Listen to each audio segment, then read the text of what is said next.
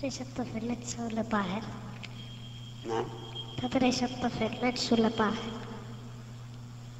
ما صار تطريش إيه. الطفل إيه إذا صار الثوب هل هو طاهر ولا نجس؟ لا الصحيح أنه طاهر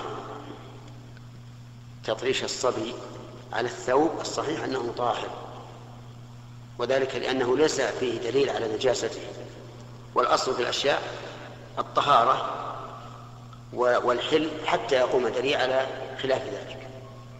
فإذا طرش الصبي على ثوب أمه لا يلزمها أن تغسله لكن إن غسلته فهو أفضل احتياطا. نعم.